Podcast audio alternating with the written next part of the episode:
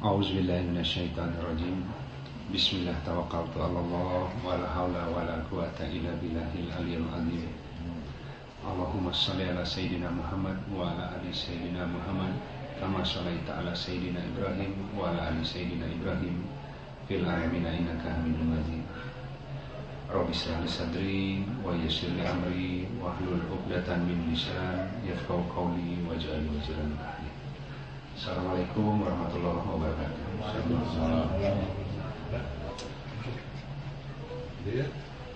Enggak santai ada. Ya. Eh, mati Pak? Tes. Oh, ya. Alhamdulillah sahabat-sahabat. Ah, mati hidup ya? Tes. Tes. Baik, uh, insya Allah hari ini sebagaimana yang biasa kita bahas gitu. Kita coba cari uh, solusi dengan menggunakan Al-Quran. Jadi Al-Quran itu kan, uh, harus digunakan secara kafah bagi hamba-hambanya yang berserah diri. Jadi Islam itu dari harus pakai kabel ya. Ada ada kabel? Enggak apa-apa, udah enggak apa-apa atau uh, kurang dekat. Nggak boleh dihalang tes tes. Ya ya nggak apa-apa lah putus-putus ya. Alhamdulillah. Baik jadi sebagaimana kita tahu tadi sekilas kita bahas kan bahkan dari zaman Nabi Ibrahim pun sesungguhnya kalian telah disebut muslim gitu kan dari zaman Nabi Ibrahim karena bapaknya para nabi e, termasuk salah satu keturunan orang-orang yang diangkut bersama perahunya Nabi Nuh ketika Allah e, meriset kehidupan. Jadi semenjak kurang enak ya. Atau itunya dideketin aja pak ya, biar nggak kagok. Receivernya mungkin ya. Ya.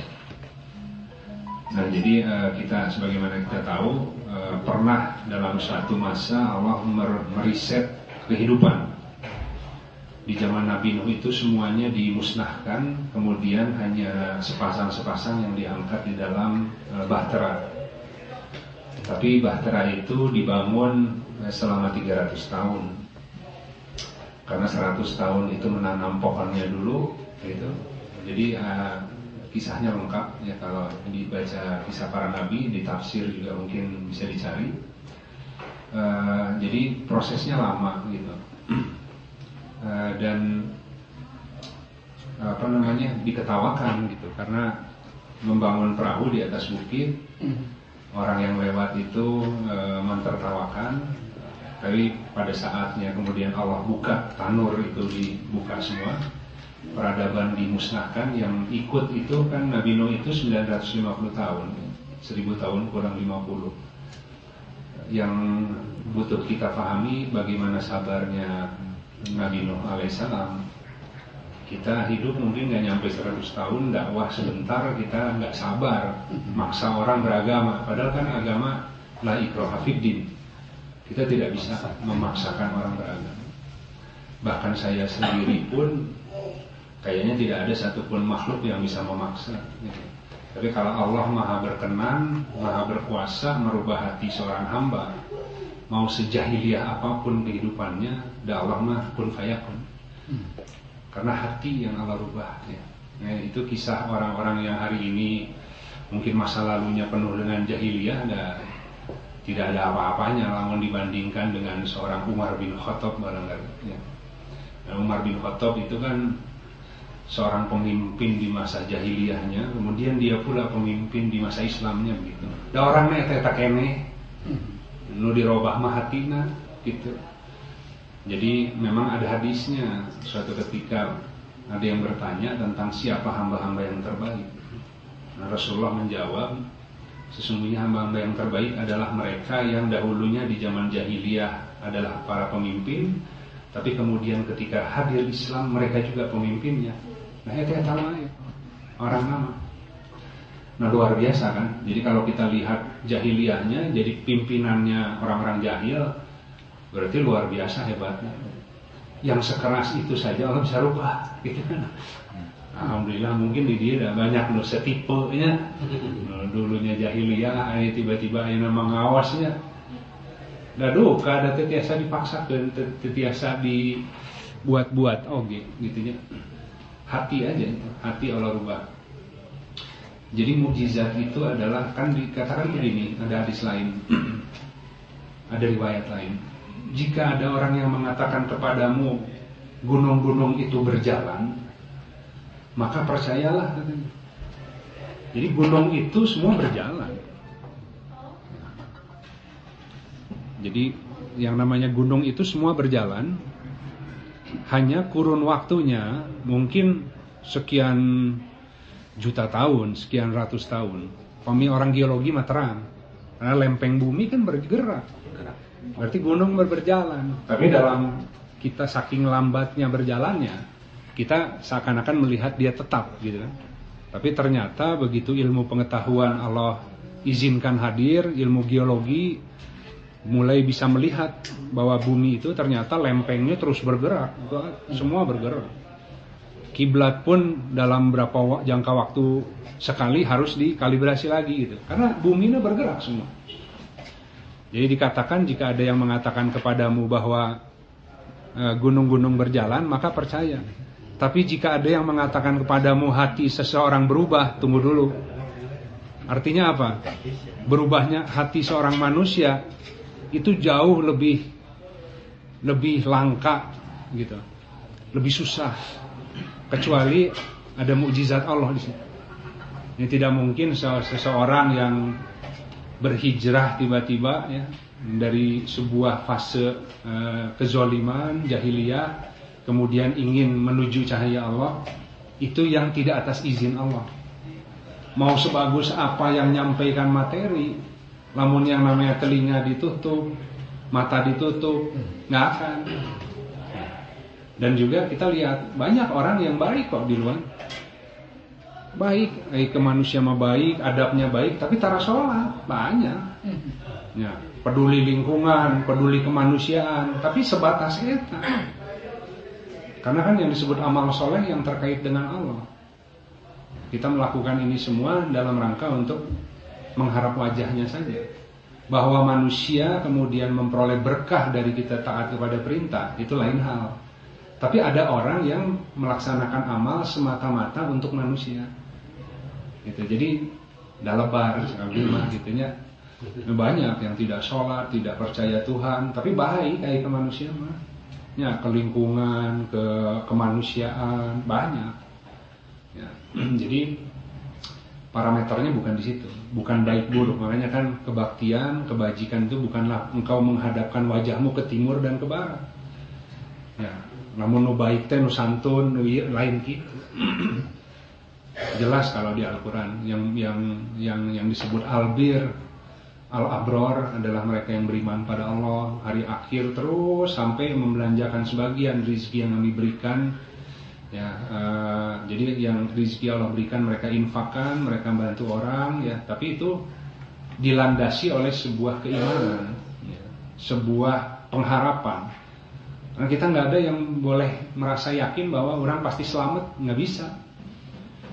Ya, dari wayat juga hadis kan, jika engkau datang kepada Allah dengan membawa amal-amal, Allah mau bawa timbangan, sok timbang. Ya, kan merasa saya mah udah banyak sholat, banyak zakat, banyak nolong orang, dan mual mungkin tak asup sorga, cina. GR. Kalau dengan itu yang diharapkan, Allah akan bawa timbangan bagaimana khawatirnya, bagaimana buruk sangkanya, bagaimana iri dengkinya. Kan itu banyak kotoran orang masih kemehnya. Secara lahiriah boleh tampak baik, tapi al khobir Allah mah tahu yang tersembunyi di dada yang paling dalam. Ya, bahwa ternyata di luarnya manis, di dalam masih kemeh ayah. Dan wajar kita selama si hamba itu terus mohon ke Allah, ya Allah, ada abdi gitu tidak suka ada di dada teh perasaan tadinya misalkan kehel ke batur teh dugi ke dendam gitu kan kita juga nggak suka tapi tidak kuasa nah kita minta kepada Allah minta rahmatnya agar Allah berikan kemudahan dirubah nu di lebat manah orang gitu lah kira-kira. Jadi ya Islam tidak cukup yang lahiriah tapi luar dalam. Kami benar mengaku umat Rasul ulah nu diikuti syariat luar nawongkol atuh. Ya. Gaya pakaian Islami. Ya, bahasa lidah lekoh. Ya. Tapi dada. Bagaimana kesabarannya Rasul? bagaimana keikhlasannya, keridoannya. Ya, watawasau bil haq, watawasau bis sabar. Kasih sayang kepada sesama mukmin, keras terhadap orang-orang kafir. Ayo orang mah ke orang-orang yang kafir toleransi ke saudara mukmin sendiri galak. Mesti kabalik kaidahnya. Ya kafir kan juga bukan label sebenarnya. Kafir itu kan ketertutupan. Ya ya ada cover ya, jadi hatinya tertutup. Ya, ya tentu Islam pun memerangi bukan masalah Yahudi dan Nasrani yang diperangi, tapi kekafiran yang ada di dalam dada seseorang, mau dia itu Yahudi, mau dia Nasrani, mau dia orang Islam sendiri, munafik. Ya orang-orang. Jadi yang yang diperangi oleh Rasulullah adalah kekafiran yang ada di dalam dada. Nah, Iya mah orangnya dulu kafir, begitu ternyata hatinya Allah buka menjadi orang yang beriman, selesai perangnya. Untuk dendam. Ya. Dulu musuh, perang, tiba-tiba hijrah, jadi saudara. Eh, agama Islam adil. Karena kita bukan menyerang orang, tapi menyerang kekafiran yang ada di dalam dadanya. Kalau dia sudah selesai, Allah buka tutupannya, maka jadi saudara kan kita. Ayo orang lah, ah ente Abdi mah apal kapungkurna jika kumaha jelema eta. Pami ayana jadi ustad ge ah mau benar lah cenah kan. Ah manusia mah gitu stigma ya stigma. Jadi saya oke itu tidak pernah bermimpi, tidak pernah punya angan-angan, bisa sharing.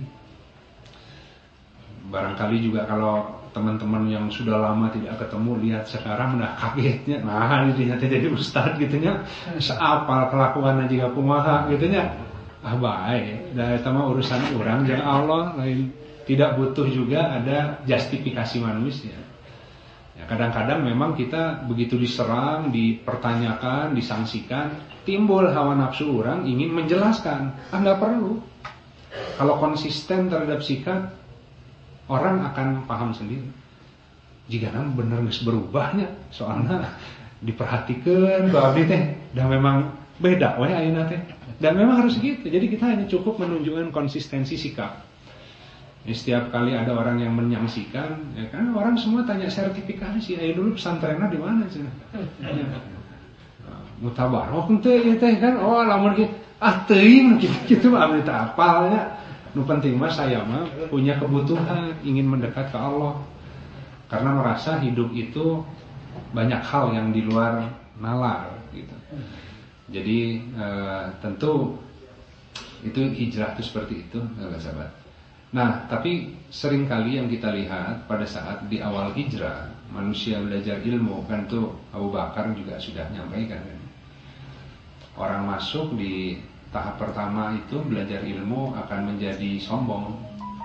Yang biasa baru hijrah, tadinya jahil, terus hijrah, terus mungkin belajar Al-Quran, belajar fikih, akhirnya galakna audzubilahnya kabatur teh oh garang gitu nya padahal orang oke dan Allah maha lemah lembut ke orang adanya eh kabatur mah galak tapi kalau ke Allah mah ya Allah saya teh masih berjuang masih banyak keburukan ya tadi rubah hamba dengan lemah lembut tapi kalau eh kabatur mah gening tekitu ya. padahal di Al-Qur'an hendaklah engkau berlaku baik kepada orang lain sebagaimana Allah telah berlaku baik kepadamu. Nah, maka uh, ilmu itu harus tuntas. Prinsipnya kalau di kisahnya Nabi Musa, ilmu itu ular. Nah, uh, Nabi Musa itu bawa tongkat ke mana-mana. Pada saat uh, tongkat itu adalah ilmu tongkat itu dipakai untuk mencari nafkah juga dengan ilmu itu. Kadang-kadang ada orang yang tongkatnya masih campur nyari nafkahnya pakai ilmu agama. Akhirnya misalnya ada orang sesama orang beriman bisnis we lah itu dasar iya mah. Kenyataan prakteknya nipu bohong. Ya. Terus dia bicara uh, ya mah madu uh, berkah gitunya tapi dioplos kok anjir tapi di labelnya ditempel anahel gitunya Rasulullah juga dulu minumnya madu ya berkah penyembuh penyakit yang ada di, di dalam dada gitu. Segala penyakit sembuh ku madu cina gitu. Tapi dioplos maduna kan gitu. ya. Nah itu tongkatnya belajar agama sedikit sedikit hawa nafsu kehidupan masih banyak. Ayo mau bisnis mah mending te, te kudu mau agama. Bilang saja ah saya mah nggak butuh Allah saya mah hanya butuh kehidupan. Lebih fair. Eh, iya mah. Ingin melariskan dagangan bawa-bawa Allah kan gitu nah itu harus hati-hati bahaya ya menjual menukar ayat-ayat Allah dengan harga yang sedikit tapi itu juga proses pada akhirnya Al-Quran itu bukan hanya menuntun kita untuk ibadah tapi dalam muamalah juga jadi urusan hutang piutang di Al-Quran ada. Urusan rumah persoalan rumah tangga di Al-Quran ada. Urusan masalah anak di Al-Quran ada. Nah, cuman sering kali kita terlewat ayat-ayat itu. Jadi harusnya kalau ada persoalan dalam rumah tangga, yang pertama dicek adalah SOP-nya kami di Al-Quran juga kumaha. Nah, bahwa kemudian memahami, mengaplikasikan itu memang butuh butuh pertolongan juga gitu. karena tidak mudah kan membaca ayat-ayat kemudian menjadikan dia bisa diaplikasikan padahal iya ada ayat oke okay, sami mantapnya Al-Qur'an Al-Qur'an tuh ada yang kitabiah ada yang e, kauniyah yang Allah gelar ayat nu insaniyah kurang oke okay, kalimah Allah jadi Allah memberikan ada tiga tiga kitab begitu ya yang harus kita baca pertama kitab Al-Qur'an kedua kitab yang Allah hamparkan dalam bentuk kehidupan ini yang nanti akan Allah gulung. Jadi Al-Quran digulung, simbolnya buminya digulung. Sama aja, berarti sudah khatam selesai urusan. Yang ketiga adalah kitab manusia. Makanya cukuplah engkau yang menjadi penghisap dirimu hari ini. Bacalah kitabmu. Ya, tetap orang kudu baca diri orang. Tidak ada satupun yang sia-sia Allah ciptakan nah orang teh jadi orang Amerika nah kalah jadi orang Garut lahir teh ya. Ai lihat orang di luar negeri mah juga raos hidupnya nya ah mual tiasa kitu nah orang hidup nanti mancung ya. nah orang pesek. Nah, padahal eh, kan manusia itu selalu uh, membanggakan itu yang sifatnya casing. Ya mah casing na wungkul ya ai dana kotor mah maut ya. Inalilahi nanti akan di hari kiamat akan Allah hidupkan lagi. Jadi kalau di alam barzah itu kan hanya jiwa saja tapi di setelah Allah kiamat trompet pertama semuanya mati kecuali hamba-hamba yang Allah izinkan ada kemudian trompet kedua semua bangkit itu dibangkitkan beserta jasad tapi jasadnya sanes jasadnya ayeuna jasad sesuai cetakan hati waktu kondisi terakhir. Ya lamun lebetna monster mah, mah monster. We. Makanya banyak hadis yang orang-orang berjalan kakinya di bawah keberaturan si bentuknya. Ya, Al-Quran mah mau yang nyata, yang goib, misalnya sadaya mau orang kadang-kadang eh, kalau kadar kemampuan membaca. Alam jin aja ayah kuntilanak ayah, genderuwo ayah, dan mereka mah amalnya menjadi baik, rubah wujudnya berubah jadi baik. Kalau eh, baiknya jin itu menyerupai manusia wujudnya. Dia melakukan dosa, mulai berubah bentuknya menjadi menyeramkan. Dan manusia oke, okay, sami. Tapi Allah maha menutupi aib orang. Jadi luar nama manusia, lobat nama da orang. Lobatnya bahkan ayat nusaiton kan Makanya kan golongan setan dari jin dan manusia. Anas itu begitu. Jadi bukan berarti bahwa seorang manusia itu punya potensi, tapi bisa jadi dia bisa lebih mulia dari malaikat, tapi bisa lebih bejat daripada setan. Karena dengan potensi yang segitu besarnya, ternyata dia malah mengikuti kecenderungan hawa nafsunya. Gitu. Nah jadi uh, tentu makhluk yang diberikan potensi besar konsekuensinya pun lebih besar kalau kita memilih untuk uh, menjadi hizbus syaiton Jadi manusia itu seakan-akan dikasih pilihan. Silakan mau jadi Hizbullah atau mau jadi Hizbul Setan. Hmm. Yang pasti tidak ada golongan uh, golput ayat di Quran mah. Hanya dua itu saja. Jika Oh, enggak. Jadi kalau kalau seandainya engkau bukan golongan Allah, maka pasti golongan setan. Jika engkau bukan tawanan Rasulullah, maka engkau tawanan setan. Jadi Rasulullah itu membawa hukum-hukum syariat itu sebagai pagar. Nah kita dengan sukarela menjadi tawanannya Rasulullah SAW. Kita masuk ke sana. Kenapa? Karena tawanan Rasulullah itu dijamin diajak kepada keselamatan. Sementara pada saat manusia bicara ham, nah itu mulai itu alam syaitannya masuk. Ya. Oh, semua punya hak kok. Ya. LGBT punya hak. Ya, padahal kaum Nabi Lut udah ada dan sebagainya. Contoh seperti itu ya. Nah jadi uh, itu wabah dan memang menular gitu. Dan itu bukan sesuatu yang aneh gitu. Jadi itu bukan hak azazi yang dari awal, tema ayat cedera, ayat trauma, si jiwa nate jadi punya tendensi dan itu seharusnya juga bisa diperbaiki gitu. Tapi begitu mereka sudah menganggap itu identitas yang nggak saya tuh. Cek orang penyakit, cek mereka mah naon penyakit, orang mah sakit. Memang kieu we orang dilahirkan kieu we cenah. Ya susah tuh kita. Ya jadi Al-Quran hanya bisa memberi manfaat bagi orang-orang yang takut pada Allah dan ingin mendengarkan nasihat. Yang nggak mau ya nggak apa-apa, nggak ada paksaan, mangga we. Nanti kita kan semua akan membuktikan. Hakul yakinnya begitu tiba-tiba meninggal, malam ini tidur nggak bangun besok dan hingga ah ya iya malaikat ayah pertanyaan yang menyeramkan. Tapi pada saat kesadarannya di saat itu nggak terlambat. Ya, nggak bisa kita kembali ke dunia. Wah, ini kakara kurang percaya. Ya Allah kasih kesempatan balik lagi ke dunia agar kami bisa menjadi hamba-hambamu yang soleh agar bisa beramal soleh. Dari Al-Quran ayat dialog itu. Dan mual tiasa ayat nama pami ayat nama diuji ke Allah dikasih musibah disakiti ke orang bersabar. Itu mah ayat pahalanya rontok dosa orang. Tapi lamun di neraka mah orang asup dibakar ke api terserah kamu mau sabar mau teriak-teriak dan mual ayat gerasi mual ayat pengurangan Kan seperti itu. Jadi sebenarnya kehidupan dunia meski dia pendek, anggaplah 100 tahun. 100 tahun. Tapi yang paling menentukan karena akhirat dan barzah kita pun dibelinya di dunia gitu kan. Kira-kira. Nah, jadi hari ini kita ingin coba melihat terkait uh, persoalan rumah tangga di Al-Qur'an. Boleh dilihat sahabat-sahabat di Anisa ayat 127. Nanti saya uh, ini kan saya bacakan. Jadi di Anisa 127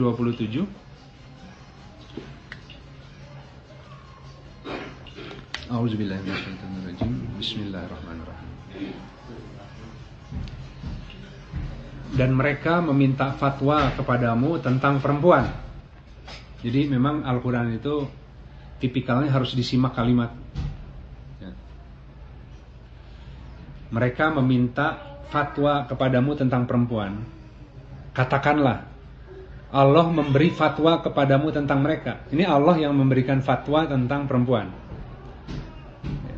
Dan apa yang dibacakan, dibacakan kepadamu di dalam kitab Al-Quran tentang anak-anak yatim perempuan yang kamu tidak memberikan pada mereka apa yang ditetapkan bagi mereka.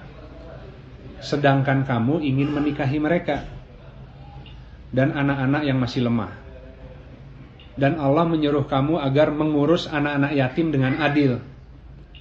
Dan kebaikan apa saja yang kamu kerjakan, maka sesungguhnya Allah dia maha mengetahui, al-alim. Nah, eh, ayat ini eh, terkait dengan fatwa tentang perempuan. Di dalamnya ada tentang yatim. Jadi anak perempuan yatim gitu ya. Tapi sesungguhnya semua perempuan itu yatim.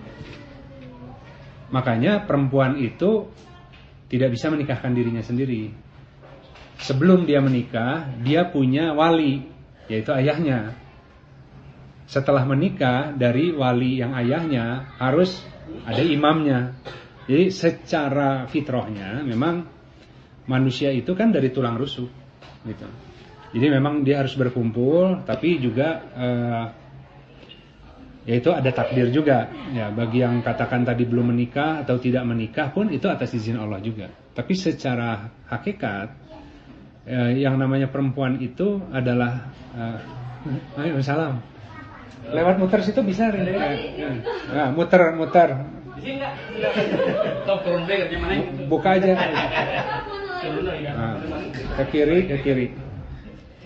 Ya, jadi uh, yang ingin sampaikan di sini begini. Uh, jadi kita ini kan fatwa kepadamu tentang perempuan. Berarti siapa kamu itu? Laki-laki. Jadi mereka bertanya ya, tentang perempuan, maka Allah memfatwakan kepadamu tentang perempuan. Berarti ayat ini kepada laki-laki. Ya, jadi kepada kita dijelaskan oleh Allah tentang perempuan. Jadi laki-laki itu apabila dia menikahi seorang perempuan, maka dia menjadi pemelihara atasnya. Pemelihara dalam kehidupan dunia bahkan sampai akhirat. Imam terbalik, makmumnya ikut uh, salah arah, tidak akan diminta pertanggungjawaban ke Allah. Karena dia sebagai pemeliharanya. Gitu. Nah, kewajibannya laki-laki adalah mengurus mereka secara adil. Makanya kan di Madinah itu ada sahabat yang bertanya ke Rasulullah, "Wahai Rasulullah, dahulu waktu kita di Mekah, wanita kita itu tunduk, kita tidak disulitkan. Tapi ketika di Madinah kenapa kalah?" Kemudian keluar hadis, sesungguhnya mereka itu dari tulang rusuk yang bengkok. Jika engkau luruskan mereka akan patah, jika engkau biarkan mereka tetap bengkok, maka hendaklah engkau menasehati perempuan dengan lemah lembut. Nah, berapa banyak kita lihat laki-laki yang hari ini menggunakan ayat Wah, IDD-nya mah jadi istri dorhaka mah dilaknat ke Allah. Nu salah imam eta Eh, mah ayat perempuan. Ayat laki-laki sebaik-baiknya kalian adalah yang paling lemah lembut terhadap istrina. Dan mau ditaros ke Allah masalah istri mah istrina no bakal ditanya nanti. Ai kamu jadi imam ternyata terlalu keras, makanya si wanitanya patah. Atau kamu terlalu takut kepada istri sehingga kamu tidak mengkoreksi ketika dia salah. Akhirnya dia tetap bengkok. Berarti kamu imam yang gak baik kan gitu. Nah, jadi kita harus meluruskan tapi meluruskan sesuai bahasa dan kemampuan yang mereka punya. Nah, sebenarnya eh, orang dakwah pun begitu prinsipnya. So, kalau agama dipakai sebagai palu, patah semua. Jadi masyarakat Anissa itu bukan hanya secara jasa dia ya. Anissa itu sifat-sifat kewanitaan yang ada di dalam diri seseorang.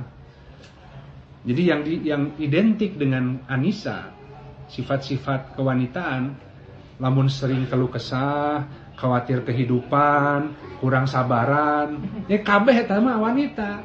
Jadi laki-laki nu kita eta mah awewe, cek urang mah, cek Al-Qur'an mah begitu. Tapi laki-laki rijal adalah orang-orang yang sabar, tawakal, ridho, ikhlas.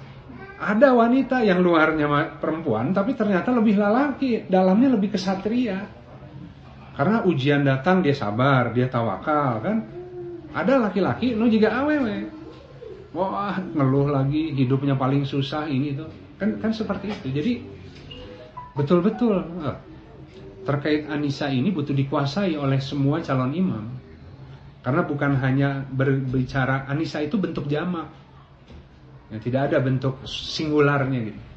Jadi bentuk jamak wanita-wanita gitu. Ya, kita bagaimana bisa menjadi seorang dai, seorang penyampai berita yang baik kepada umat kalau kita tidak berlatih bagaimana caranya berkomunikasi dialog yang baik kepada istri Ya, ke istri kasar, ke istri maksa, begitu dia keluar, oke pasti ke umat gitu, udah mal jauh. Kumaha lamun disuruh dakwah ke orang tua. Mah orang tua. Perintah Al-Qur'an harus hormat kepada orang tua, berbakti kepada mereka, tundukkan sayap. Tapi ada yang salah dari orang tua. Berarti kita harus menyampaikan tapi dengan cara penyampaian seorang anak, mencari bahasa yang tidak menyinggung perasaan kan. Makanya amalan yang Allah cintai adalah sholat di awal waktu, berbakti kepada orang tua, baru jihad. pasti salah lamun jihad duluan mah. Ya. Karena yang disebut berbakti kepada orang tua mau nyampaikan tapi posisi orang tua berarti kudu bijak. Kudu lemah lembut, kudu dengan penuh kasih sayang ke istri oge sami. Lamun berhasil di situ ke umat oge bakal dengan kasih sayang. Namun itu mah dakwahnya judul nawungkul jihad tapi yang ada mah matahkan orang. Jadi banyak orang yang akhirnya ah lamun Islam juga dia Alhamdulillah abdi teh Islam agama. Ternyata juga kitunya orang Islam teh. Yang salah sah orang nu salah sanes agama Islam nu salah. Yang menjadi duta Islamnya salah. Alih-alih membawa manfaat, jadi rahmat Allah di dalam agama Islam tidak sampai ke orang karena melihat perilaku penganutnya yang kurang bijak. Maka bagaimana bisa jadi rahmatan lil alamin kalau seperti itu?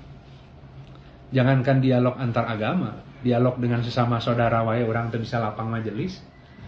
Ya, beda sedikit gaya saja udah wah itu mah sesat, iya iya. Enggak bisa seperti itu. Justru dengan dialog, kalaupun ada yang belum lurus, maka dialog itu mencari eh, dalam kekeluargaan, dalam lapang majelis, mencari belajar kebenaran sama-sama gitu.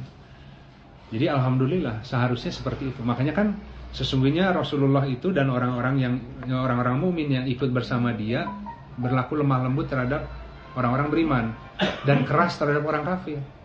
Jadi nggak boleh kebalik. Gitu. Nah ini kepada istri begitu. Jadi uh, yang ada hal yang disebut di ayat tadi ya. Wanita yang ingin dinikahi pertama anak-anak yang lemah dan mengurus anak yatim. Tiga-tiganya merupakan sebuah kebaikan. Nah, uh, kan begini, pada saat uh, si anak si perempuan itu diserahkan oleh ayahnya kepada laki-laki, dia menjadi anak yatim. Tapi kemudian kita ijab kabul, enggak setelah dilepas oleh ayahnya, saya yang pegang, jadi dia tidak akan tidak akan tanpa pemelihara begitu. Ah, itu begitu. Makanya berat tuh. Yang namanya munakahat, perjanjian ijab kabul pernikahan berat itu konsekuensinya. Gitu. Ya kalau imamnya uh, tidak lurus ya akan ada bagian dosa gitu yang ditanggung oleh sang imam. Kecuali kalau imamnya sudah berusaha keras tapi si makmumnya sulit untuk diatur. Itu lain cerita. Karena itu juga kisahnya Nabi Nabi Lut juga demikian gitu. Nabi Nuh juga nggak bisa menyelamatkan anaknya. Ya bahkan Nabi saja tidak bisa. Ya komo orang Nabi mah bukan gitunya orang biasa gitunya. Tapi paling tidak upayanya yang akan Allah lihat. Apakah engkau sudah berusaha yang maksimal? Kan selamatkan keluargamu, ya, anak dan istrimu dari api neraka meskipun dengan sebutir kurma. Itu juga mak maksudnya kan dengan sedekah sebutir kurma. Nilainya sih kecil. Ya. Tapi semampunya gitu. Nah, itu juga yang namanya sedekah dengan sebutir kurma. Sedekah itu termasuk nasihat. Ya, ya, senyum. Jadi bagaimana kita memperlakukan istri itu eh, ya kumahanya lamun suamina memang lagi belajar agama tapi keras teing wanita oge udah ketakutan Akhirnya belajar agamanya karena sieun ku suamina. Bukan itu sasaran yang diharap. Yang diharapkan adalah bagaimana si e, istri pun betul-betul sama-sama ingin e, mendekat ke Allah karena e, ada sebuah kebutuhan. Nah, jadi e, ini tadi Allah memberikan fatwa kepada laki-laki terkait perempuan dan disandingkan dengan anak yatim kurang lebih membacanya perempuan itu posisi seperti anak yatim. Adalah orang yang butuh pemelihara. Makanya uh, wanita itu yang pernah menikah kemudian uh, katakan tadi ya uh, menjadi uh, tidak menikah dengan sebab apa pun ya, mungkin bisa bercerai, mungkin bisa ditinggal oleh kematian. Saya lebih rawan. Ya. Karena ada stigma tiba-tiba banyak orang yang ngegoda gitu Nah maka dia harus mohon ke Allah agar memberikan imam bagi dia. Pun bukan buru-buru. Wah saya misalkan sudah nggak punya suami, saya harus segera nikah dan cari-cari bukan seperti itu. Mohon ke Allah agar diberikan seorang imam. Karena wanita yang sudah berumah tangga itu relatif terjaga. Nah, orang kan biasa kalau ada laki-laki iseng kan nanya dulu. Udah punya pacar belum mbak? Gitu gitu. Alhamdulillah anaknya udah tiga. Oh, alhamdulillah di mana tinggalnya di Bandung. Udah gitu udah nggak deketin lagi kan? Pasti gitu. Ya, di mana oh, gelis eh gelis ya. Eh, udah udah ini udah eh, sudah menikah gitu. Udah punya anak. Ya, pasti akan uji, itu uji coba sifatnya hati-hati. Karena ada laki-laki pasti uji coba. Ya. Nah, kumaha laki-laki seneng kan gelisnya. Begitu lihat ada yang uh, cantik dideketin ajak ngobrol dan sebagainya. Cari cara nanya nanya itu masih sendiri atau enggak? kan. Kalau masih udah ada suami oh ya udah cuma hanya sekedar ngobrol di situ aja. Jadi uh, itu juga sebuah pakaian. Makanya disebut uh, sesungguhnya laki-laki itu pakaian bagimu dan uh, wanita pun pakaian buat laki-laki. Sama dengan hijab untuk menutupi perhiasannya, maka laki-laki pun terhadap wanita sebuah hijab. Makanya wanita Islam itu dimuliakan justru. Jadi ibunya anak-anak, tiangnya negara. Maka wanita di Islam itu uh, harus ada izin suami kalau ke mana-mana dan kita lindungi, ada aturannya. Tapi bagi wanita yang tidak beriman, pasti uh, keberatan. Kenapa? Oh, orang diatur-atur dan kita mah hak, hak wanita sama, emansipasi katanya haknya sederajat, kita hak azazi manusia. Mereka akan begitu karena kurangnya pengetahuan sebenarnya. Ini kita kan orang orang Barat itu selalu menyerang, mengatakan bahwa wanita-wanita Muslim adalah wanita-wanita yang paling tertekan, wanita-wanita yang paling eh, dihilangkan hak-haknya. Kita katakan bahwa wanita-wanita orang-orang yang tidak beriman, orang-orang yang banyaknya orang-orang yang budaya di luar, itu wanitanya dijadikan komoditas. Karena kan disuruh jadi model, nah, dipakai pakaian uh, hampir bugil gitu ya, pakai pakaiannya macam-macam yang yang fashion. Dia dia kan memamerkan itu, kernawan kerjualan tas, kerjualan acup. Ya. Tapi mereka berani ngomong ke kita bahwa kita yang paling merendahkan harkat wanita dengan membatasi haknya.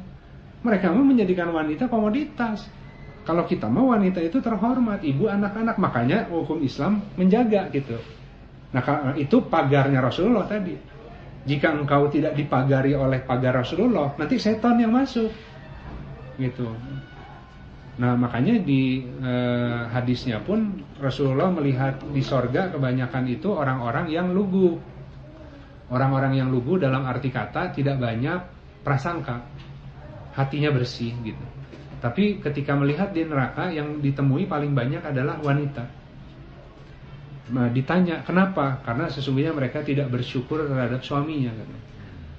Jadi uh, mungkin punya suami tapi suaminya belum benar, kemudian dia menyesal gitu ya. Seharusnya dia kan dulu mau nikah kumaha ceritanya. Ya. Kan tahu, mungkin waktu nikahnya juga masih sama-sama jahiliyah tapi begitu si istrinya mengaji, terus dia mulai melihat membanding-bandingkan. Kok di di pengajian teh banyak laki-laki yang solehnya, suami orang teh juga kia gening. Aduh, orang teh nyesel nikah jeng sia. Nggak boleh itu, kufur. Yang yang yang harus dilakukan oleh wanita adalah mohon ke Allah, ya Allah sempurnakan imamku. Ya, rubahlah imamku, jadikan dia imam yang baik gitu. Nah tiba-tiba suaminya di, dirubah hatinya oleh Allah gitu. Jadi kita nggak boleh membanding-bandingkan rumput tetangga lebih hijau nggak boleh. Harus seperti itu. Sama dengan laki-laki. Nah, saya teh enaknya lihat yang lain mah istrinya balager, eh istri orang teh juga kieu. Ya, goreng pisan adatnya, hese ngaturna katanya. Lah kamu kan yang nikahi. Itu mah kamu yang gagal. Meren oke dulu nama bager setelah nikah sama kamu jadi jika gitu teh.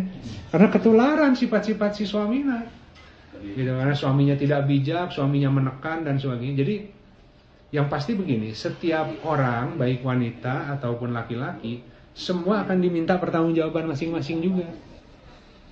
Jadi gak usah pusing menggunakan ayat orang lain. Cukup laki-laki menjadi imam yang baik, yang sebaik-baik laki-laki yang paling lemah lembut, gitu kan ya. Apakah kita sudah mengarahkannya dengan tepat?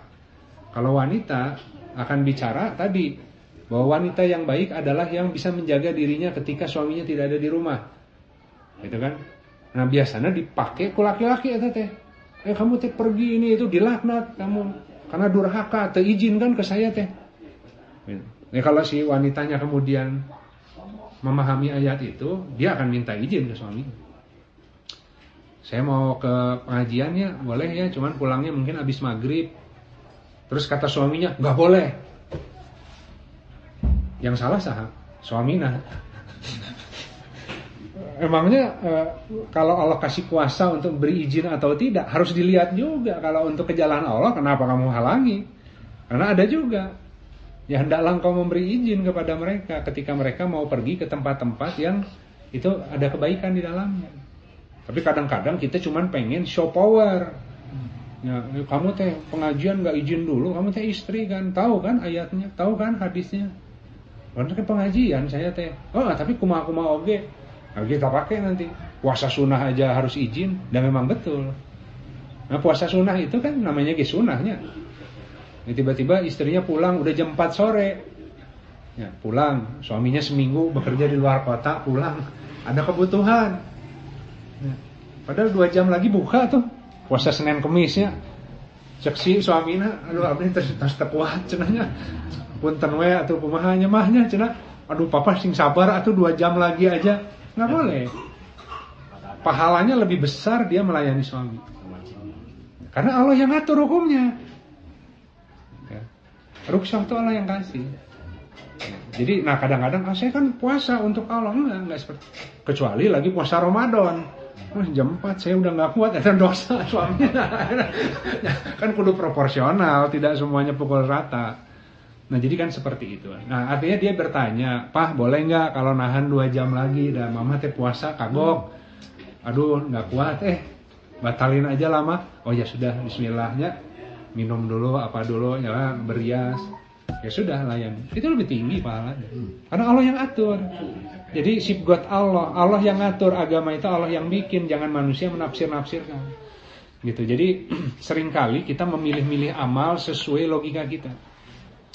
Nah jadi uh, misalkan tadi kan seperti itu, jadi, uh, bahwa si istrinya kemudian mohon akan lebih baik kalau tadi ditanya dulu, kalau tahan boleh nggak? Kalau kata suaminya ya nggak apa-apa, maka itu lebih lebih barokah lagi. Tapi kalau suaminya katakan, oh kumahnya mesti kuat, oh ya udah tuh nggak apa-apa, mama batalin, itu juga berkah. Seperti itu. Tapi yang nggak berkah ketika tahanlah papa teh dua jam lagi menit sabaran gitu. Si suami teh dongkol. Hilang perkara ya. pahala istri nage hilang. Wah tanya senyum senyum ya ajar nih nah abdi teh luar kota ini luar kota abdi teh ya.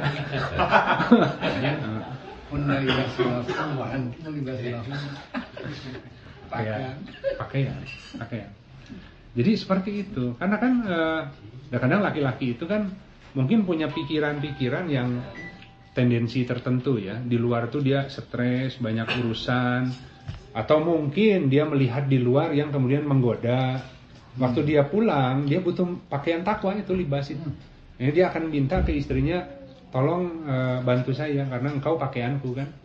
Jadi waktu dia berhubungan dengan istrinya, itu dia menghilangkan semua pengaruh seton gitu. Jadi jangan dilihat biologis ya. Agama mah ada lain bicara pulgar jorok dah agama mah gitu. Ya kita bicara laki-laki ya kan? Kalau kamu senang dengan wanita lain ngelihat segera datangi istrimu karena sesungguhnya yang dimiliki wanita itu sama dengan yang dimiliki istrimu kan? Eh tamas sakwat udah sama aja orang buka puasa. Ya. Enak misalnya buka puasa Ya.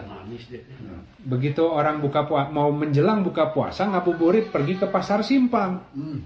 Kan pusingnya. Pengen naonnya terbuka teh. Waduh jajanan teh menipino. Pengen pengen es kelapa cina, tapi pengen cendol oge. Tapi iya nempo belewa oge ngiler. Bingung nu mana. Ah beli we tiga-tigana kan. Itu syahwat.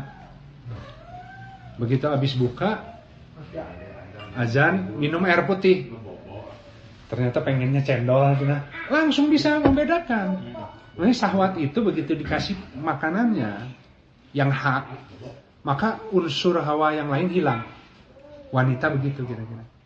Jadi waktu laki-laki itu kemudian punya fantasi, punya apa, ada godaan, begitu istrinya itu kemudian paham urusannya, dia butuh menjaga pakaian takwa si suami. Maka dia menghadirkan diri untuk suami, hilang tuh semua pengaruh yang lain. Baru mikir kalau udah selesai kan, ah ke perempuan lain ge gelis oge belum tahu adatnya jika kumaha. Capek deh kenal orang ti nol teh kan? Ya, ayo ke istri sendiri mahnya baiknya tahu jeleknya tahunya. Jadi maklum kita kan? Yang paling berat rumah tangga itu kan masalah mengenal seseorang. Belum tentu setahun dua tahun bisa mengenal kan? Karena sok ayah pak ya talanya harmonisnya paling pas bulan madu beres nama. Wah banyak pas ya. Tapi itu juga sebuah rahmat dari Allah gitu. nah jadi kira-kira begitu sahabat-sahabat posisi laki-laki. Nah kemudian uh, masuk ke ayat berikutnya. Kita lihat di di ayat berikutnya tadi. Uh, itu di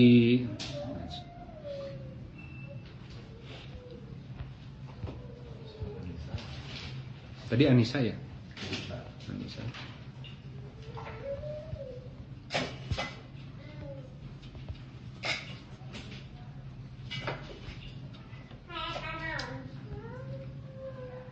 Nah, tadi uh,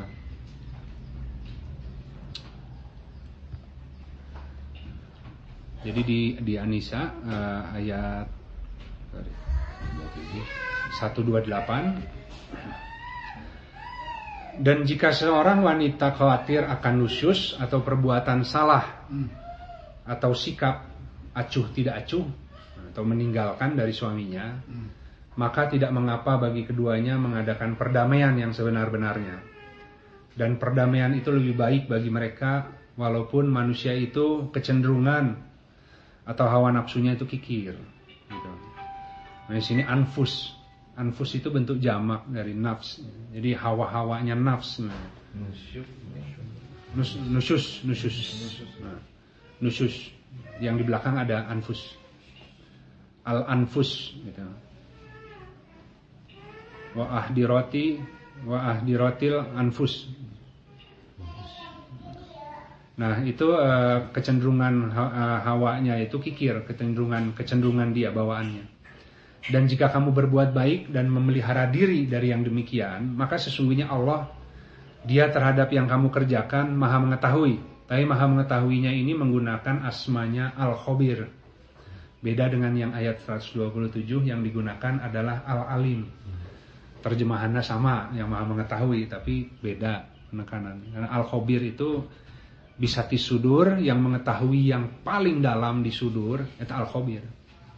Kalau al-alim yang mengetahui dengan ilmunya itu yang sebelum dan sesudah. Tapi kalau al-khabir kabar gitu ya.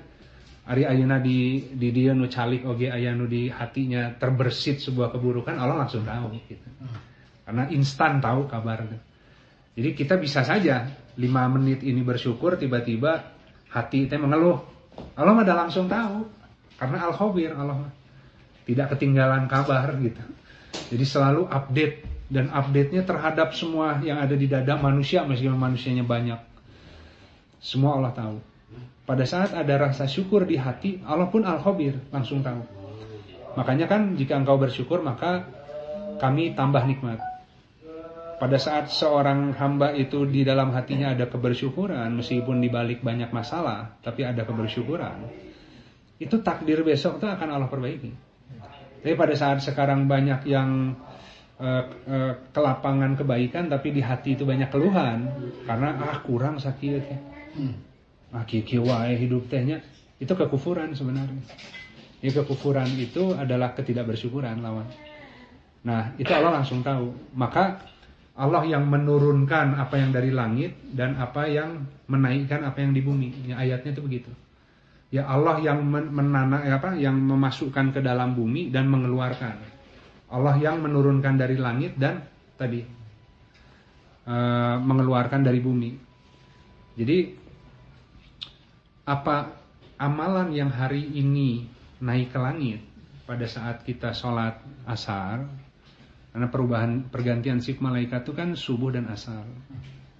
Nah, kalau hari ini dipenuhi dengan uh, kebersyukuran, ketawakalan, keridoan, itu nanti menjelang asar, makanya asar termasuk sholat yang disegerakan.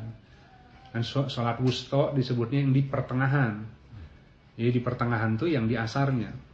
Meskipun wusto itu eh, dari wasaton, makanya kan sebaik-baik umat yang wasaton di tengah-tengah, artinya tidak magdub dan tidak dolin, tapi tengah-tengah itu tidak seperti Yahudi dan tidak seperti Nasrani, tapi di tengah-tengah itu menggabungkan yang baik-baiknya, yang buruknya buang. Yahudi itu adalah orang yang diberikan kitab luar biasa oleh Allah. Tapi kemudian mereka tukar dengan harga yang sedikit. Nah, mereka lebih loba dari orang-orang munafik, dari orang-orang kafir sekalipun. Karena mereka sudah dimuliakan, tapi kemudian mereka melanggar hari sabat gitu. Nah, itu kalau kita melanggar hari Jumat. Hmm. Mantakna hari Jumat mah dagangan 300% omsetnya. Jualannya di emper masjid padahal rizkina ya di dalam masjid. gitu kan? Jadi eh, sabatnya orang Yahudi adalah hari Sabtu. Nah, orang Yahudi itu orang yang berpengetahuan. Makanya Yahudi pun akal lahiriahnya jauh lebih hebat. Gitu. Nah, cuman mereka kalah dengan godaan dunia. Maka sehingga ilmu agamanya itu dipakai untuk mencari dunia. Kalau Nasrani itu adalah dari sama seakar kata dengan Ansor. Jadi kalau di zaman Rasulullah Nasrani itu Ansor, kaum penolong agama. Karena gerah mereka melihat Yahudi yang jual ayat-ayat, maka Allah hadirkan lagi seorang Nabi Isa alaihissalam Nah, di situ dari perjanjian lama ada perjanjian baru. Jadi istilah nama akad ulang, bayat ulang. Kalau Taurat nama benar, anu salah masih rahib-rahib ini yang ngarobah. Ya, yang dibawa oleh Nabi Daud itu betul. Tapi begitu Nabi Daud sudah tidak ada, nah, maka ulama ayurama ayana diganti oleh rahib-rahibna, mulai ada keserakahan. Jadi merubah-rubah noya di kitab. Maka Allah turunkan Nabi Isa alaihissalam. Nah, Nabi Isa alaihissalam kemudian mengkoreksi itu. Ya, makanya disebut perjanjian baru, akad ulang. Makanya dua-duanya di dalam Injil. Di dalam Injil ada perjanjian lama, perjanjian baru. Jadi perjanjian baru teh nu kamari teh di belok-belokin aya nama akad ulang, bayat ulangnya nu ya diluruskan ya kurang. Tapi setelah Nabi Isa itu tidak ada, Nabi Isa itu cuma tiga tahun soalnya. Bayangin dakwahnya tiga tahun cuma setelah Nabi Isa e, diangkat oleh Allah, tidak diwafatkan ya, diangkat oleh Allah ke langit. Tiba-tiba bablas teing perlawanan. Mereka berlebih-lebihan dalam agama, maka ada kerahiban bahwa yang namanya pastor, pendeta itu tidak boleh menikah. Dan itu menyalahi fitrah. Nah ya tadi kan, kita namanya laki-laki, mau pastor sekalipun, mau ulama sekalipun, tetap ya resep nempon. Kan kudu ayah saluran sahwat yang hak yang Allah berikan. Karena kalau dia salurkan, hilang tuh pengaruh-pengaruhnya. Selamat dia. Makanya kenapa menikah itu adalah sunatullah, eh sunat sunnahnya Rasulullah. Itu adalah penjagaan. Gitu. Nah jadi eh, mereka mengada-adakan agama itu karena gerah lihat Yahudi ditambah-tambah ibadah tuh amalan sampai Saking banyaknya tambahan bingung no orisinil nu mana nu tambahan nu mana teh Nasrani. Maka Allah datangkan Al-Qur'an. Diberikan lagi di, di, disematkan wasaton kepada umat itu. Ini yang terbaik, yang menggabungkan tengah-tengah. Dari mana agama ini? Bukan agama baru. Makanya ikuti milah Ibrahim yang hanif. Bahkan sebelum ya, eh, Nabi Daud dan Nabi Isa ikutinya ya uh, uh, Nabi Ibrahim. Itu bapaknya semua kan. Nah, Nabi Rasulullah Muhammad SAW adalah orang yang paling mirip dengan Ibrahim. Kenapa? Da, sama julukannya juga. Yang satu Habibullah, yang satu Khalilullah. Sarua ada. Itunya. Jadi kan, nah kadang-kadang kita ini suka ramai karena kurang di dalam mengkaji sejarah. Udah sama kan Bani Israel sama Bani Ismail oke udah sama-sama turunan Nabi Ibrahim. Tapi bahwa akan ada yang melenceng, itu mah keniscaya pasti. Umat Islam tadi KTP Islam benar semuanya Islam, oh, kafir banyak, nu munafik banyak kan. Jadi kan uh, Islam itu bukan sebuah label, tapi se sebuah kondisi kebersamaan kepada Allah. Jadi kita akan bisa melihat orang yang Islam itu adalah orang yang kemudian menundukkan diri untuk diatur oleh hukum-hukum terbaik karena tahu yang namanya hawa nafsu teh meski dia seakan-akan baik tapi sok ayam motif nu tidak lurus. Nah kadang-kadang orang teh lamun tidak ada kitab yang menjelaskan sok ketipu wae gitu. Tambah lagi hawa nafsu teh dinasihati ku setan kan. Atau karena saking hawa nafsunya besar setan belum sempat ngeboda nggak duluan dia ngelencengnya kan. Setannya yang nggak terima kan nah nyalahkan orang cina acan oge mulai nggak belok sendiri akan seperti itu. Karena karena hawa nafsu itu yang ada di manusia.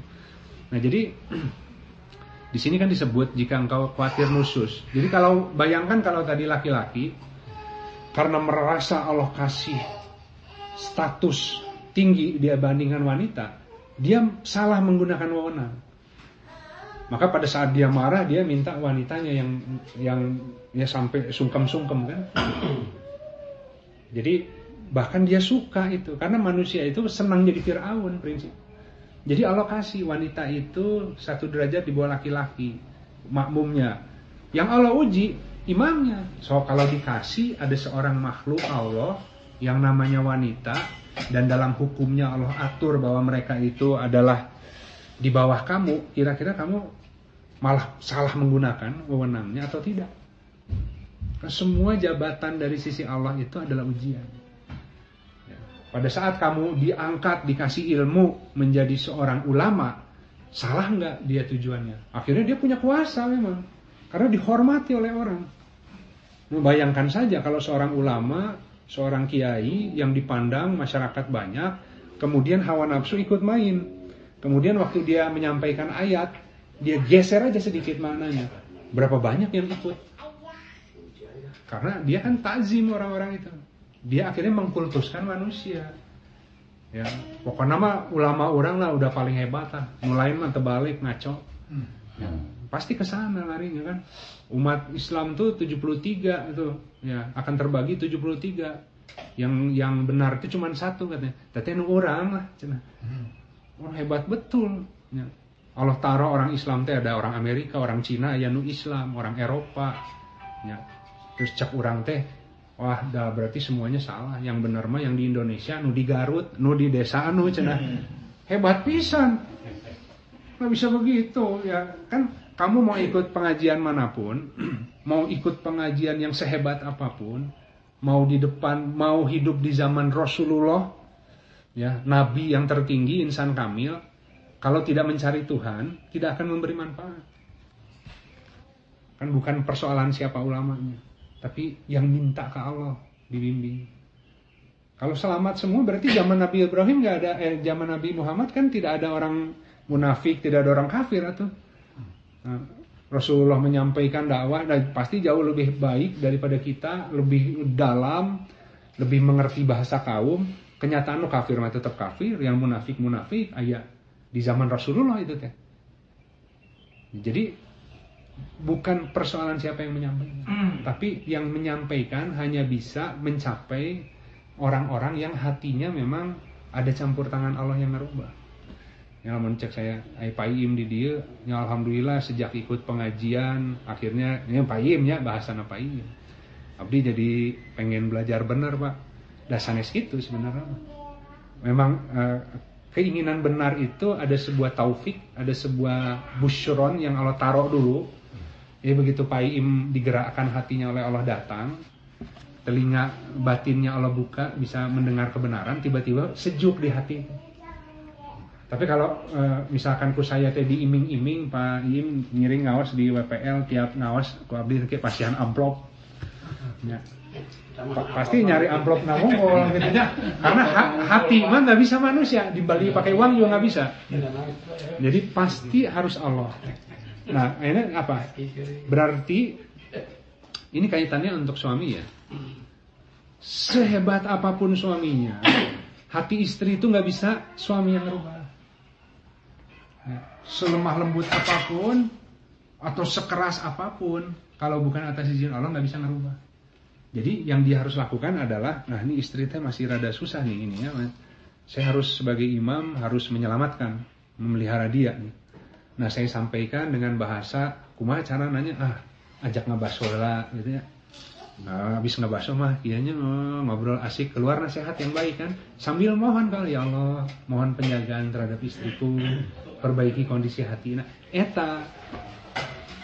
Bukan karena suaminya hebat. Makanya sesungguhnya Allah itu membatasi antara seseorang dengan hatinya. Artinya naon? Lamun di dia orang teh main badminton atau main poli kan ayah neta. Antara manusia dan hatinya manusia yang di sebelah net itu ada Allah yang jaga. Nah, si jelma nanti ke orang teh terus we ditatar dengan harapan hati berubah. Tapi bisa, hati mah udah masuk masuk domain Allah.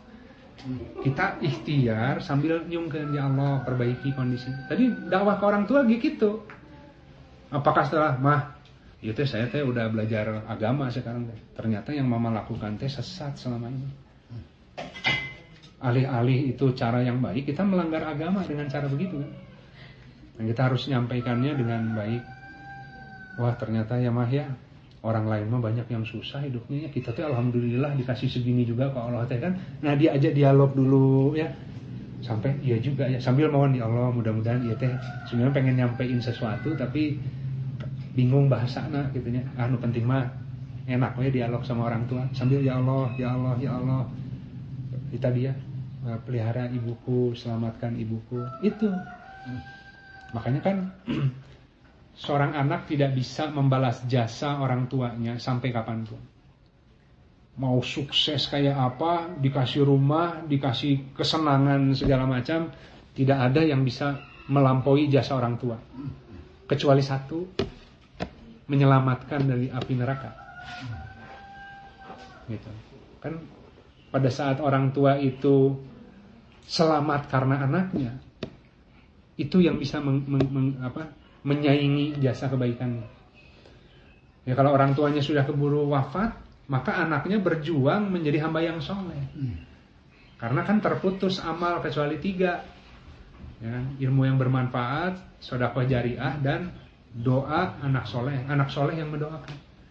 Berarti orang kedah jadi anak yang soleh untuk bisa mendoakan kedua orang tua yang sudah tidak ada. Dan doa seorang anak soleh yang dipanjatkan kepada orang tuanya luar biasa di sana itu orang tuanya.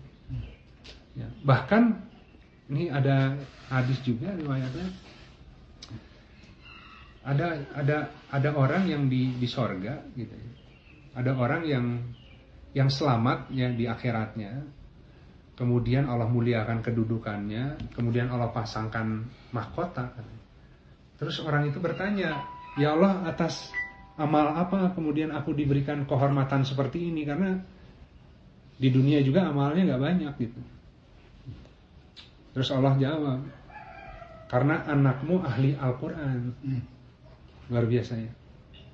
Jadi so, orang tua yang sudah tidak ada, begitu ada seorang anak yang menjadi ahli Quran di dunia, itu orang tuanya memperoleh berkah manfaatnya di sana. Luar biasa seperti itu.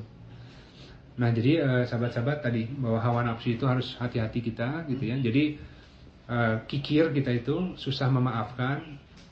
Biasanya kalau ke orang lain bisa memaafkan, tapi kalau ke istri sendiri suka suka over gitu ya. Karena apa? Karena kita merasa kita menguasai dia. Nah justru makanya kenapa kenapa banyaknya itu uh, penghuni neraka pun dikarenakan air kencing katanya. Karena air kencing itu hadas-hadas kecil yang disepelekan. Hmm. Jadi ada hadas hadas kecil itu disepelekan. Jadi gini, yang namanya dosa, dosa itu bisa besar. Ya, itu ada dosa yang masuk kategori dosa besar. Tapi waktu dia melakukan dosa itu diiringi dengan sebuah penyesalan dan permohonan ampun pada Allah. Ya Allah, abdi terang itu dosa itu teh. Tapi nggak kuat, dan akhirnya dilaksanakan. Ya Allah nyesel. Ampuni hamba. Nah, Allah itu adalah Al-Ghafur maha pengampun. Dan maha berkasih sayang. Dan Allah mengampuni sebesar apa pun dosa seorang hamba selama si hamba itu terus memohon pada Allah. Tapi ada dosa kecil yang ah daya mah ada. Saya mah cuman gibah tuh katanya kan. Merasanya kecil. Tapi dia sepelekan dosa kecil yang disepelekan bisa besar di hadapan Allah. Jadi kecil besarnya dosa itu karena penyepelean. Nah, berapa banyak orang yang kemudian belok dan kemudian menjadi hamba yang taat karena diawali dengan melakukan sebuah kesalahan-kesalahan besar yang dia sesali dalam hidupnya. Yang itu yang mengarahkan dia menjadi hamba yang mendekat. Nah, manusia makanya nggak boleh menghakimi begitu. Nah, dikatakan oleh seorang ulama gitu bahwa yang disebut agama itu segala sesuatu meskipun bentuknya dunia atau bentuknya buruk tapi kemudian dia semakin mendekatkanmu kepada Allah. Itulah agama. Tapi yang disebut dunia adalah segala sesuatu yang meskipun dia kelihatan baik atau dia itu e, bentuknya agama, tapi semakin menjauhkanmu daripada Allah. Jadi kalau orang belajar Al-Quran, belajar hadis, karena ingin kemuliaan diri, ingin diaku, berarti yang dia harapkan adalah bukan Allah, tapi kerakusan terhadap posisi diri. Karena yang namanya kerakusan ketamakan itu ada tamak harta, ada tamak pujian, ya, tamak pengakuan. Jadi bisa jadi seseorang itu belajar agama semata-mata ingin Ya itu tadi. Supaya diangkat kedudukannya di mata manusia. Kita juga kalau misalkan sholat sama. Ada orang yang kemudian melatih bacaannya semata-mata karena ingin tampil di depan. Kan sulit. Ya kadang-kadang kita juga yang pas-pasan kadang minder juga begitu suruh jadi imam. Ya, aduh, aduh ya. Padahal ada Allah mah tidak melihat bagus tidak bacaan kan kualitas hati imam yang yang yang membacanya. Gitu. Jadi persoalan kita itu biasa terjebak oleh hal-hal seperti itu. Estetika yang kosong sebenarnya. Misalkan ayo orang ngapalkan doa-doa Arab ya. Dari zaman SMP nggak uh, apal. Sekarang pun tiap sholat jikirnya panjang doanya panjang. Tapi apakah maknanya ikut itu hmm. dan masalahnya nggak apal karena kan udah udah otodidak ya. Udah udah autopilot gitu ya selesai udah. Nah, jikirnya begini doanya begini. Oh amin. Eh tadi ngomong naon we? Terus standar we doa gitu ya. Kan jadi hilang maknanya. Coba ini punya persoalan kehidupan punya kebingungan. Waktu selesai sholat diam dulu istighfar pada Allah berzikir. Kemudian nggak ngange bahasa orang dalam hati. Hmm. Allah mah ngerti, bahasa Sunda ngerti, ya, bahasa Jepang ngerti, nggak pakai bahasa juga ngerti Allah. Hmm. Kalau hatinya jujur. Jadi pada saat kita, eh didinya masalahnya naon, namun boleh mohon dan diijabah ke Allah. Ah, gitulah pokoknya. Udah ngerti Allah segitu juga. Karena itu hatinya yang penuh kebingungan, membutuhkan pertolongan Allah, ada rasa itu tuh. Nah, ya Allah tak iya bingung. Saya juga mau membahasakannya bingung. Saking banyaknya masalah yang saya teh. Tapi itulah kira-kira ya Allah. Karena apa? Jujur hati. Ya tentu Abdul kalau tadi bisa baca doa yang panjang bagus tapi selalu terhayati sama gitu. Itu akan bagus. Itu Abdul. Tapi uh, apa pun kita harus membangun dialog yang jujur kepada Allah gitu. Jadi memang itu. Iya, betul. Jadi saya saya biasa begitu ada orang yang konsul ke saya. Nah, dikasih nasihat kan, ya begini begini begini. Ini ada masalah di rumah tangga, masalah iya. Udah selesai biasanya nanyanya gitu. Pak Ustad, ini amalan-amalana, sarang doa-doana, nu kira-kira cocok kalau saya baca menghadapi masalah iya teh naon. Boro-boro orang minta apa? Jadi kata saya mah, enak kieu Tadi semua problem yang ada Zaka sahadai orang junggang ya. Ke Allah we dengan menggunakan bahasa yang yang yang kita bisa lebih karena pakai bahasa ibu sendiri bisa lebih menghayati. Tapi kalau penasaran pengen cari doa anak, mangga we da buku-buku nak mangga. Bukannya kita menghalangi ya. Eh, itu dua-duanya seperti itu gitu. Jadi jangan tunggu udah baca kan ayo doa tadi diapalkan sedikit-sedikit. Doa anak masih can iya berarti kita berdoa lah sebelum apal atau rugi orang dan masalah mah datang setiap saat. Maka berdoa kepada Allah setiap saat. Sesuai jujur dengan apa yang dibutuhkan saat itu.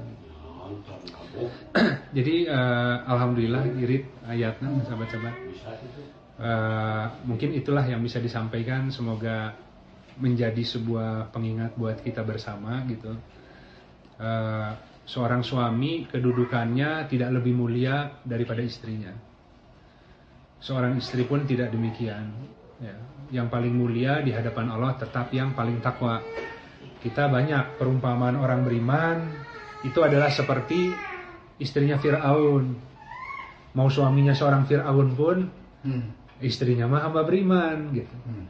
Perumpamaan orang kafir itu seperti isi istrinya Nabi Lut. Mau suaminya seorang nabi sekalipun eh kafir mah kafir weh gitu. jadi uh, jadi artinya apa? Kalau orang beriman ya. Mau pemimpinnya nggak benar mau ya, dia mah konsisten dengan keimanan karena pemimpinnya adalah Allah. Karena dia adalah Hizbullah dia adalah golongannya Allah dia akan melihat dulu. Cek masyarakat ayah nama seperti ini pola yang benar itu. Tapi orang kada cross check ke Al-Quran nularasna kumaha ada manusia kan? Al-Quran jelas. Jika engkau mengikuti sebagian besar dari manusia niscaya mereka akan menyesatkanmu dari jalan Allah dan itu mah dari zaman ke zaman. Nabi Nuh 950 tahun hidupnya. Berarti 1000, 1000 tahun kurang 50 tahun. Berapa banyak generasi Berapa banyak orang Nu selamat mah mau kapal.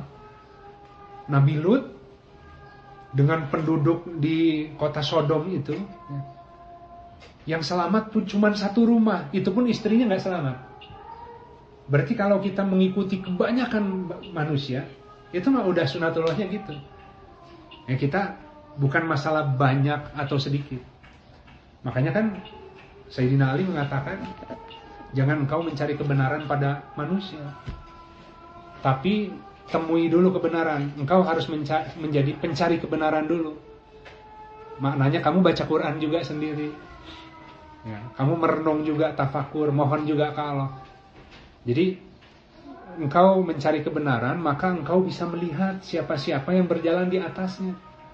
Ya, kita akan melihat nanti ini ada seorang ulama dengan pakaian simbol-simbol keislaman yang lengkap. Di sebelahnya ada orang yang biasa wae, tukang beca.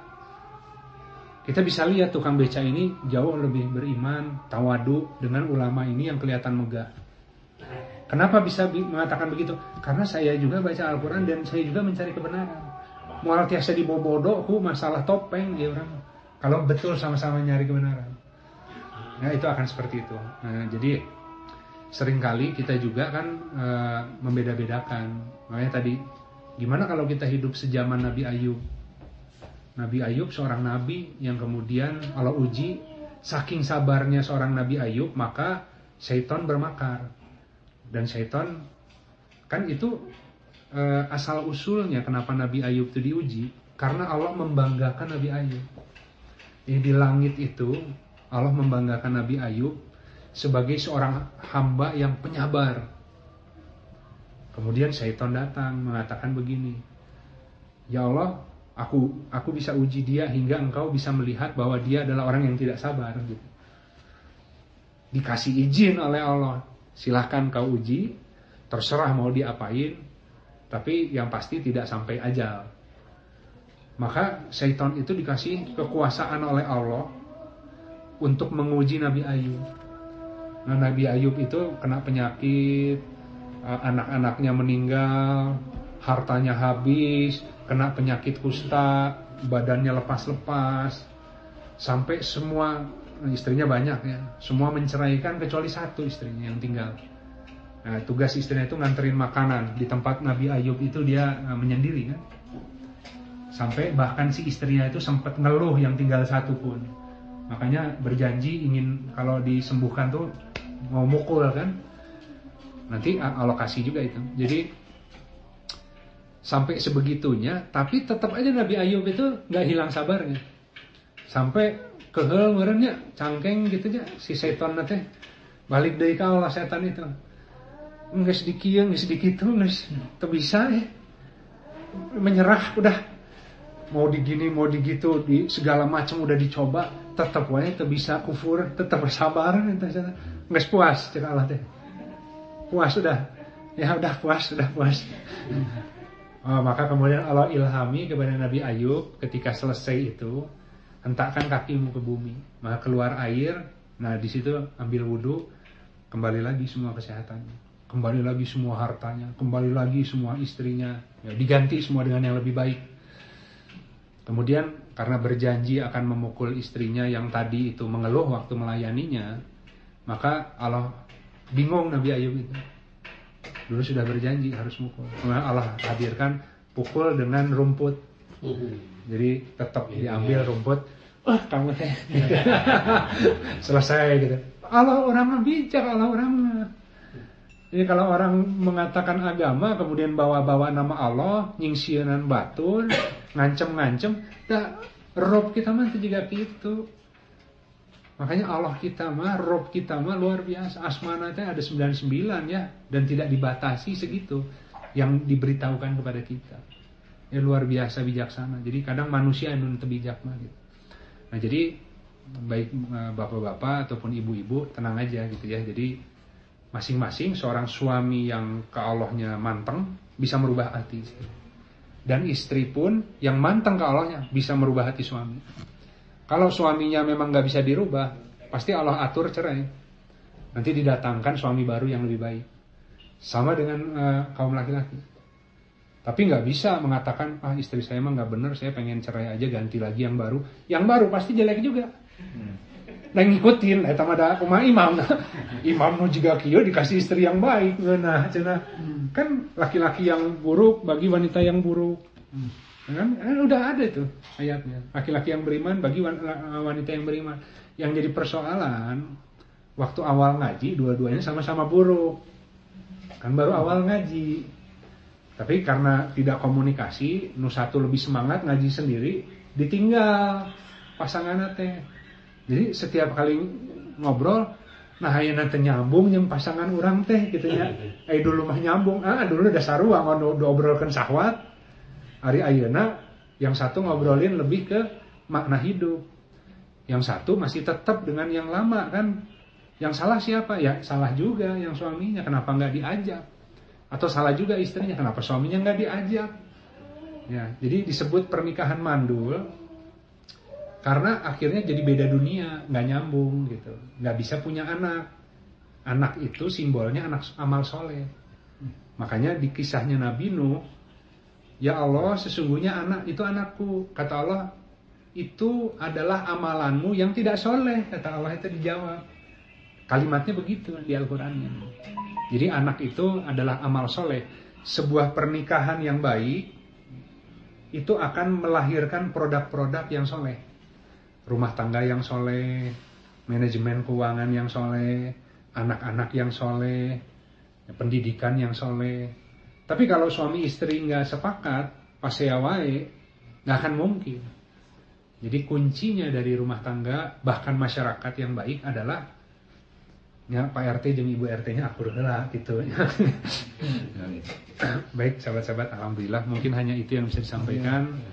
Eh, dengan keterbatasan sarana biasanya ada ayatnya. Kalau ada ayatnya di ini bisa lebih melihat kalimat ya. Tapi insya Allah tadi di Al-Quran pun mungkin dengan yang ada di terjemahan agak berbeda karena saya selalu mengembalikan lagi ke isim Arab gitu. Jadi waktu saya apa namanya eh, terjemahannya itu disesuaikan dengan uh, mengambil dari Arabnya gitu. Ya kadang-kadang kayak tadi kan apa maha mengetahui ternyata kita lihat itu kan uh, Allah menggunakan dua asma yang berbeda. Kenapa yang di awal itu Al-Alim yang digunakan, yang kedua adalah Al-Khabir. Itu akan akan lain. Allah Allah menyampaikan sebuah kalimat ditutup dengan asmanya yang spesifik. Nah, jadi seakan-akan itu wajah rohmu yang ini yang lagi bicara kepada kamu. Gitu. Nanti kalau ayat yang ini kita lihat siapa nih? Al-Wasi. Jadi yang di berikutnya apabila tadi ini eh, sedikit ya di ayat yang terakhirnya di 130 itu kalau sudah berjuang kalibrasi nggak ber, berhasil juga akhirnya bercerai. Ya. Maka dua-duanya masing-masing akan Allah berikan rizki dari keluasan sisinya. Karena sesungguhnya dia adalah al-wasi al-hakim. Karena dia yang maha luas dan maha bijaksana Nah, kenapa waktu cerai pisah dua-duanya bagus rezekinya? Karena pisahnya juga baik-baik. Hmm. Karena dua-duanya sudah berusaha. Kalau di Al-Quran, Islam proporsional. Namanya cerai mah tidak haram. Memang itu sebuah perbuatan halal yang Allah tidak suka. Tidak sukanya karena biasanya kalau cerai itu jadi masalah rumah tangga. Jadi antara dua kubu keluarga saling jelek-jelekin. Yang kasihan anak kan kalau udah punya anak. Ya cerai mah biasa wae di Islam mah. Ada talak satu, talak dua, ya kan? Talak tiga. Nah setelah talak tiga nggak bisa lagi, kecuali sudah nikah. Karena nggak boleh main-main sumpah kan? Nah jadi apa? Allah maha Allah hakim maha bijaksana. Nah itu manusia, oh kalau cerai itu haram, itu mah wah, wah. bukan haram kan kamu karena malu kan? Karena kamu tahu rumah tangga kamu sudah tidak enak, suaminya ini sudah tidak sepakat, tapi apa kata orang kalau kita pisah kan kita malu. Dia lebih pusing kata orang kan? Padahal sebenarnya di agama mah teu gitu. Ya, yang penting kalau rujuk maka rujuk dengan baik, kalau pisah maka pisah dengan baik. Dua-duanya harus ma'ruf. Jadi kalaupun tadi kalau barang rezekinya satu paket, tapi karena mereka banyak eh, tidak nyambung, maka komunikasinya musyawarahnya itu bagus dan dua-duanya akhirnya memutuskan bercerai, maka dua-duanya Allah buka rezeki. Dan anak nggak bingung. Ya, si ibunya nikah deui, si bapaknya nikah deui. Baik si anaknya punya dua keluarga, dua orang tua, luar biasa. Jadi nanti dia mau ke si ibunya, ya ikut makan di mama katanya. Di situ udah nikah juga ibunya. Nanti ke, eh, nanti sore mau ke papa mah katanya gitu ya. Tapi kalau kita kan enggak. Kamu nggak usah ke bapak kamu tuh. Bapak kamu kayak gini-gini. Kamu oh, ibu kamu itu ya kenapa dulu cerai? Wah, karena dia akan tarik menarik. Jadi gimana supaya anak pro ke saya atau anak pro ke dia, gitu kan? Lu makin lama makin dosa. menjelek-jelekan. Jadi agama mah gitu. Jadi kita kadang-kadang terlalu jika Nasrani, terlalu dibuat-buat berat. Atau tadi terlalu diringan-ringankan. Agama mah spesifik. Ayo kok Allah diatur ketat mah ketat. Ayo Allah diaturnya tidak ketat, ulah diketat-ketat. Ya. Kalau misalkan dalam perjalanan ya eh, eh, musafir ya itu boleh dikosor jamak kosor gitu kan ya akhirnya ada yang menyempurnakan ada yang jamak kosor nyaman nggak mau pakai yang mana yang nggak boleh wah eta mah males we dikosor teh kieu kieu kieu. Eh uruk sok ti Allah nya komplainnya ka Allah ulah ka dieu. Kamu we nu bodoh dikasih rukshoh nggak diambil kamu mah sombong. Nah eta nu teu ending mangga wae ada yang mau menyempurnakan ada yang mau rukshoh yang penting dua-duanya mengerti hukum kenapa Allah kasih keringanan itu. Jadi yang nggak boleh banding-bandingkan baik sahabat-sahabat eh, seperti itu mungkin eh, ya kita agak santai ya di sini jadi sebelum kita break untuk sholat dan makan kalau ada diskusi satu dua mah silakan gitu enggak sebelum Ya, boleh Mak. Terima kasih atas Masalah. tentang masalah pematahan ini. Ini Mana? ada kasus Pak.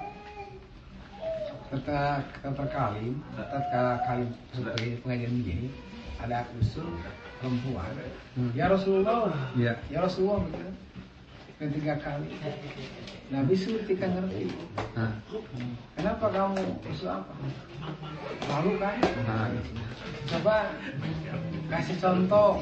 nah, Satu benang yang basah, nah, benang kering. nah, Itu suaminya ada. iya iya Jadi nggak basah kan istri minta cerai. iya iya iya iya iya iya Lalu Rasulullah panggil suaminya, iya ceraikan istrimu. Iya iya iya iya suami itu berat sekali. Iya. Kenapa ya? Oh, Rasul itu. Nabi Ibrahim juga sama, Pak. Nabi, Nabi Ibrahim itu ketika kan Nabi Ismail itu eh, ikut Siti Hajar. Jadi eh, pada saat Nabi Ismail pada saat Nabi Ismail ditinggalkan tuh dengan Siti Hajar di Mekah itu ya di eh, air Zam-Zam itu. Itu nanti baru ketemu lagi sudah besar. Jadi waktu suatu ketika Nabi Ibrahim mengunjungi Nabi Ismail yang ada istrinya. Kemudian Nabi Ibrahim itu mungkin eh, melihat istrinya Nabi Ismail. Nah, memberikan pesan begini, tolong sampaikan ke Ismail kalau nanti dia pulang, tadi eh, Nabi Ibrahim datang dan sampaikan suruh ganti palang pintumu. Gitu. Jadi pada saat Nabi Ismailnya datang, terus disampaikan tadi eh, ayahmu ke sini Nabi Ibrahim. Terus ada pesan tidak ada. Pesannya apa? Disuruh ganti palang pintu. Diceraikan istrinya.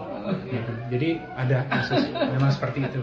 Itu kenapa? nah, Kalau di ceritanya itu oh Ya karena uh, uh, Allah lebih tahu mana yang kan tidak mungkin seorang yang buruk, seorang yang baik, hamba yang baik itu Allah biarkan diberi pasangan yang buruk. Kalau misalkan masih buruk, uh, bisa jadi di kitanya juga masih ada keburukan di dalam. Nah, tapi kalau benar kita taubat dan kita memperbaiki diri, pasti Allah kasih jalan. Pasti si pasangan kita Allah perbaiki juga hatinya atau diganti itu akan itu hukumnya seperti itu tapi kalau bercerai itu ada dosa juga ya sih maksudnya ya dengan dengan syarat kan eh, alasannya yang dilihat kan tadi yang kata Pak Bandi semua amal tergantung niatnya. Ya kalau cerainya dasarnya apa? Nah, harus ada dasar gitu. tapi kalau dasarnya itu adalah sesuatu yang tidak yang batil maka kita bahaya. Termasuk seorang istri juga eh, makanya boleh sih ada wali hakim ya tapi kan eh, syarat syaratnya itu harus syar'i ya kalau dia mengatakan saya tidak dinafkahi oleh suami ya eh, atau misalkan tadi eh, suami saya eh, apa menyakiti hati saya gitu kan ya. Apakah eh, definisi syar'i itu ke situ atau tidak? Gitu. Jadi eh, nafkah itu seperti apa sih sebenarnya? Yang kita tahu kan rezeki itu satu paket misalnya. Jadi eh, tergantung alasannya. Nggak gampang memang karena biasanya dalam percekcokan salah satu merasa lebih benar. Makanya disuruh undang hakam.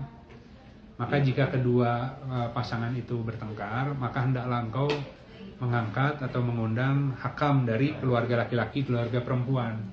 Nah dua orang ini diskusi. Oh ada dua pihak. dua pihak. Nah, jika memang para hakam itu memang betul hendak mengadakan eh, kebaikan, kebenaran gitu ya, memperbaiki niscaya Allah berikan kepada kedua pasangan suami istri istri itu taufik. Jadi kenapa suami istri nggak bisa rujuk? Karena nggak ada taufik. Karena tidak ada kehendak ingin memperbaiki dan kehendak ingin memperbaiki hubungan itu harus ada dorongan. Nah dorongan itu namanya taufik. Ya kan eh, taufik itu dari Allah. Nah yang bisa kita tempuh caranya kalau ada yang cekcok, maka pilih hakam dari keluarga di sana yang paling bijak, jangan yang ikut-ikutan emosi. Siapa yang paling ngerti? Di sini siapa yang paling ngerti? Nah dua-duanya ngobrol. Nah pada saat dua-dua hakam ini ngobrol, itu Allah kasih taufik. Tiba-tiba eta marker diskusi di situ hakam nah tiba-tiba suami istri teh nah hanya nanti teh kok jadi pengen rujuk cina nah gitu nah memang gitu nah, itu banyak banyak tersembunyi ayat-ayat yang jadi rahasia sebenarnya yang kita kadang-kadang kelewat bacanya gitu. itu baca jadi memang nah, alhamdulillah Kalau untuk yang minggu depan diumumkan sekarang aja. iya mangga Ya, iya. ya kita mau ke tempatnya Pak Aceh insya Allah kan minggu depan ya jadi nanti Eh, ini di seberangnya Bank Peda ada Bank BRI. Nah, samping BRI itu ada gapura kecil gitu ya Pak ya. Jalan masuk di situ. Sakat. naon Pak Al- alamat lengkapnya jalan naon Palang BRI Pak. Hah? Palang BRI Pak. belakang BRI nya Nanti dasar lokasinya. Ya. Eh, ada di Google sih. pokoknya mah kasih tahu semua Masjid. Al Ikhlas nih Pak. Masjid Al Ikhlas. oke Nanti paling di Telegram mungkin pengumuman. iya mangga Iya insya Allah lah orang refreshing. Nanti di survei, di foto aja. Oh iya siap sama Sherlock barangkali ya. Ya, ya, Sherlock. Sherlock. saya juga sih Iya, alhamdulillah. WA. Untuk pakai saya. Kalau boleh ya. Sami-sami Pak. Mangga tuh sahabat-sahabat jadi tahu. Jamnya tetap besok ya. Ya. Jamnya tetap ya. Jamnya tetap ya Jam 10. jam 10 lah ya. 10. Nah, saya sih sampai ya pokoknya biasa wes ya setengah se- ya sepuluh setengah sebelas udah mulai gitu kan nggak usah panjang-panjang sampai ID itu masjid jadi sebelum zuhur udah harus beres gitu alhamdulillah baik sahabat-sahabat alhamdulillah Eh, yang hak dari Allah yang batil dari saya pribadi Eh, jika ada hal-hal yang kurang berkenan, saya mohon maaf. Jika ada hal-hal yang kurang tepat, semoga Allah yang anugerahi eh, ilmu yang lebih hak kepada sahabat-sahabat sekalian. Manusia hanya ikhtiar saja. Eh, saya hanya sharing hal yang eh, semampu saya gitu, karena memang hadisnya begitu. Barang siapa yang menyampaikan ilmu yang dia ketahui, maka Allah akan berikan, akan ajarkan kepadanya ilmu yang dia belum ketahui. Jadi eh, ilmu itu sebuah sebuah sarana yang memang harus di- dibagi gitu. Karena kalau saya tidak beramal dengan berusaha membagi, menyiapkan materi dengan baik, maka tentu Allah tidak akan ajari saya kepada ilmu-ilmu yang saya belum tahu dan ilmu yang belum diketahui jauh lebih banyak daripada yang diketahui. Karena sebagaimana tadi sahabat Abu Bakar Siddiq itu mengatakan ya Abu Bakar ya benar. Abu Bakar itu ilmu di tahap yang ketiganya itu akan menjadikan orang merasa tidak mengerti apa-apa. Jadi ilmu Allah itu kalau benar kita belajarnya di tahap pertama orang masuk ilmu pasti akan jadi sombong. Di tahap kedua masuk ilmu itu menjadikan seseorang tawadu. Di tahap ketiga memasuki ilmu lebih dalam akan membuat seseorang merasa tidak mengerti apa-apa. Karena semakin dia masuk, semakin dia melihat bahwa ternyata nggak ada apa-apanya yang dia kuasai, ya ilmunya saking, saking luasnya. Bahkan itu diabadikan di dalam dialognya Nabi Musa dan Nabi Khidir di di di laut itu. Wahai Musa, bahwa sesungguhnya ilmumu dengan ilmuku, jadi ilmu Nabi Musa dan ilmu Nabi Khidir kalau digabung itu di sisi Allah ya hanya sebesar ada seekor burung yang lagi ngambil air dengan paruhnya di lautan. Itu ilmunya para nabi digabungkan dua nabi besar hanya segitu aja. Homo orang gitu ya. Jadi kalau sombong benar-benar tidak pada tempatnya di dalam ilmu Allah itu eh, betapa luasnya gitu. Ya, Alhamdulillah semoga kita semua Allah sempurnakan ilmunya sesuai yang bisa menyelamatkan kita ya. Baik sahabat-sahabat kita akhiri eh, sesi ini dengan beristighfar pada Allah dan ditutup dengan kafaratul majlis. Astaghfirullahaladzim Alladzi la ilaha illa huwal hayyul qayyum wa atubu ilaih Subhanakallahumma wa bihamdika asyhadu an la ilaha illa anta astaghfiruka wa atubu ilaih Subhana rabbika rabbil izzati amma yasifun wassalamun alal mursalin walhamdulillahi rabbil alamin Assalamualaikum warahmatullahi wabarakatuh Waalaikumsalam. Sholatnya di sini aja gitu kan? Ya, sholat jadi wa. Kan bisa wudhu di sini ya? Iya. Bawah masih rame? Eh, Taswi, Aha. eh, pemingke makan nama di FOY pak. Oh udah di situ. Oh sekalian berantakan. Oh siap. Dan sekalian Mending di, atau mending di itu atau sholat? Iya, soalnya dia. Oh, itu Ya mana? musolanya eh ya wuduna ya opa. Oh, mana? Ya di ditu we nya orang Iya. tuang heula tuang heula. Jadi alhamdulillah ini responnya puas. katanya. Alhamdulillah. ya. Semoga senang lihat anak-anak semua. Semoga puas. Kopinya puas katanya. Mantap. Mantap ya. Mantap. Aroma. Ya.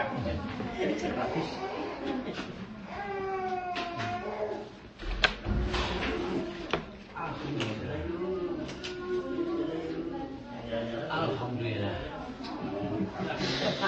Pindah gitu. Pindah.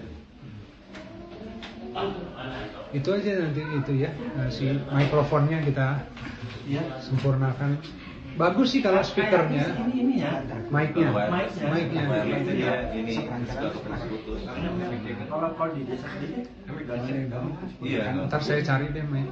Baik nanti pakai kabel Oh iya bagus. Tapi kalau pas lagi ada acara kayak gini juga butuh ada wireless memang. Iya. enggak sih kalau yang kabel juga. Dicek dulu ya. Baterainya yang enggak ini. Iya. Dites Guys, guys, guys. Yuk, Eh, dengan cek apa?